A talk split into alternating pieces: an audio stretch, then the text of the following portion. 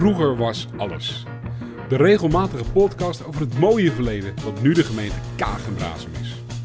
Mijn naam is Patrick Deters en ik duik in de archieven van de Stichting Oud-Alkmaar, Stichting Oud-Lamuiden en Rijnzaterwoude en de vereniging Otto Cornelis van Hemessen om de mooiste verhalen eruit te vissen. Welkom bij Vroeger was alles.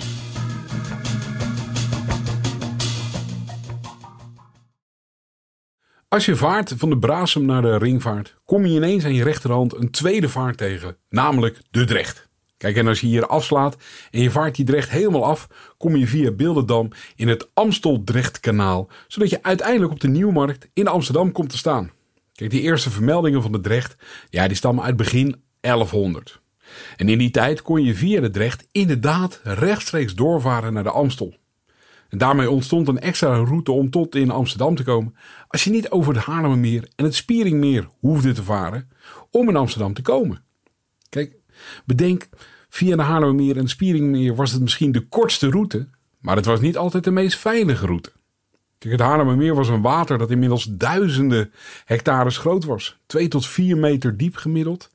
En ik ga daar ook niet lang bij stilstaan, maar het Haarlemmermeer was vroeger een grote waterpartij. En via het Leidse meer en het Spieringmeer ontstond er een route van Leiden naar Amsterdam. Of via naar Haarlem als je via de Haarlemmermeer zou gaan. Maar in die tijd was de vraag van de grote steden groot naar turf. En dus de landerijen rondom de meren begonnen steeds meer turf te steken om te verkopen. Mooi, maar daarmee breidde het water steeds verder uit.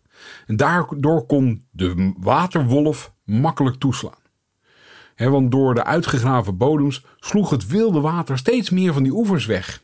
Hele oude kaarten laten een beperkte doorvoer zien tussen de Haarlemmermeer en het Spieringmeer. Maar rond 1800 zijn de meren volledig in elkaar opgegaan. En de tussenliggende dorpen, zoals bijvoorbeeld Vijfhuizen, Nieuwerkerk en Rietwijk, zijn volledig van de aardbodem verdwenen. Of eigenlijk, misschien nog wel correcter, ze zijn verzakt in de golven van de waterwolf. En als we het dan toch over die waterwolf hebben. We hebben natuurlijk de waterwolf aquaducten in Aalsmeer. Maar waar komt die naam vandaan? De waterwolf was de bijnaam voor het Haarlemmermeer. Joost van der Vondel, eh, een van Nederlands grootste dichters en schrijvers, schreef ooit die vrede waterwolf, die ook Amsterdam bedreigde, met vereende krachten bestreden moest worden. Dat was hij, Vondel, met leegwater eens. En die waterwolf sloeg ook hard toe geholpen door de turfstekers. In 1700 was het Haarlemmermeer 16.000 hectare groot. En in 1800 was dat 18.000 hectare. Dus bijna 3000 voetbalvelden aan water was er weggevreten door die waterwolf in 100 jaar tijd. Er zijn ook oude tekeningen waarin heel symbolisch de Hollandse leeuw de waterwolf neerslaat en aanvalt. Maar oké, het gaat hier niet over de Haarlemmermeer, het gaat om de Drecht. Dus de Drecht bood een wat meer beschutte route naar Amsterdam, maar ook daar waren problemen. In 1160 lopen de Hollandse graven aan tegen het onderlopen van Leiden als de Oude Rijn bij Katwijk verzandt. Dat heb ik twee uh, jaar geleden ook verteld in het verhaal. Dat ze bij Zwammerdam een dam in de Oude Rijn laten slaan. Om te voorkomen dat het water uit de Utrecht richting Leiden stroomt. Maar het achterland loopt wel vol. En niet alleen bij Zwammerdam wordt de Rijn afgedamd. Maar ook de Aar en de Dracht worden afgedamd.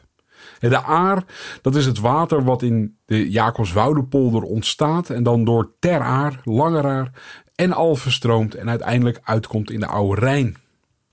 In 42 AC bouwt de Romeinse keizer Caligula daar Fort Albiania.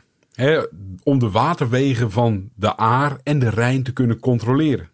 En uiteindelijk wordt daar ook het Romeinse Castellum, waarna later Alphen is vernoemd. Maar alle drie de waters worden dus afgedamd om het overvloedige water buiten te houden. Maar dat stuit al snel op weerstand van de bisschop van Utrecht, die zijn hele achterland in, uh, van Utrecht ziet vollopen. Dus uiteindelijk moeten de dammen verwijderd worden en worden er extra afwateringskanalen gegraven om de overvloedige water af te kunnen voeren. Nou, en er wordt gemeld dat rond 1500 veel gebruik wordt gemaakt van de drecht. En de ambachtsheer van uh, Kalslagen laat in Bilderdam een sluis maken en begint daar tol te heffen.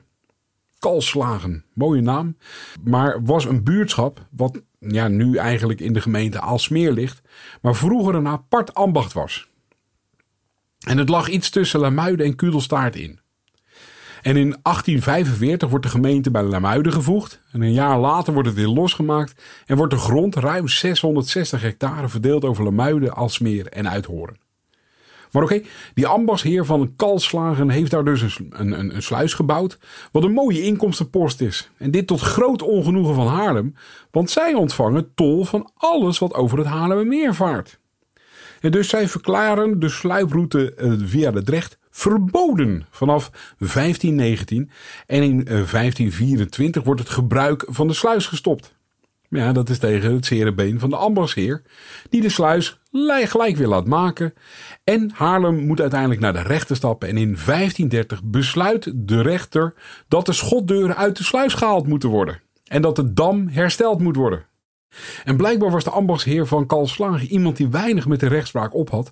Hij laat de sluis weer opengraven en herstelt die sluis. Dus in 1552 besluit Haarlem de sluis met geweld dicht te maken, maar dat is ook zonder resultaat. Het blijft een geschil en uiteindelijk 100 jaar later mag de Hoge Raad in Den Haag een uitspraak doen uh, in 1670. Maar voordat ze die uitspraak doen, zorgen de waterschappen van Rijnland samen met Leiden en Haarlem voor een serie van sluizen in de Drecht en de Aar. Dit zijn wel kleinere sluizen, zogenaamde galgensluizen, waardoor schepen met hun mast moeten strijken. Ja, blijkbaar willen de heren van Lamuiden, Vriesekoop en Warmond van het gezeik af. Dus in 1665 verkopen ze de brug met alle rechten aan de gemeente Haarlem. Sterker nog, in 1701 koopt de gemeente Haarlem voor 16.000 gulden het ambacht Kalslagen.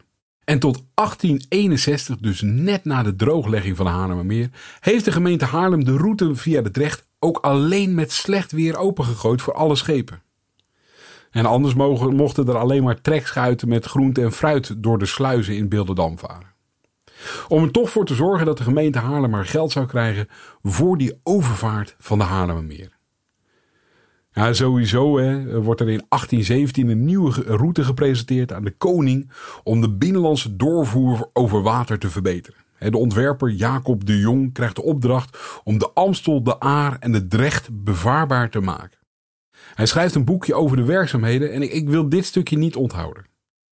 De stroom de Amstel, van welke de hoofdstad van ons vaderland haar naam ontleent, verenigt zich in de nabijheid van Uithoren met de Drecht en spreidt zich met hetzelfde alzo verenigd in twee van elkander verwijde lopende takken bij het huis ten Drecht, gaande een deze takken zuidwaarts en op naar de Rijn en een noordwaarts naar den Rijn.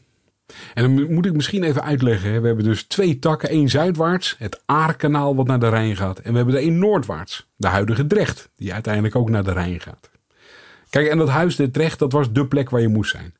Het was sinds 1656 was dat een van de belangrijkste pleisterplaatsen voor de scheepsjagers en hun paarden. Een scheepsjager was iemand die met zijn paard langs de kanalen liep en eh, zich met zijn paard verhuurde aan schippers om hun schip te trekken. En in het huis Tendrecht werd ook tol geheven. Maar er waren ook veilingen en verkopingen die daar werden gehouden. op de plek van het huis Tendrecht staan nu twee witte woningen op het Nieuwveens jaagpad bij de sluis in Uithoren.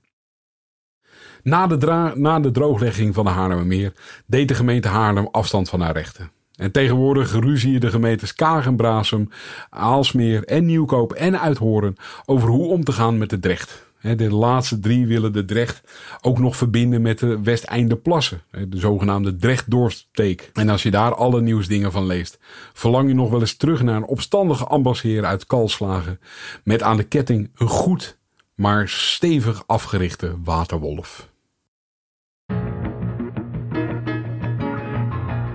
Vind je het leuk om meer verhalen zoals deze te horen?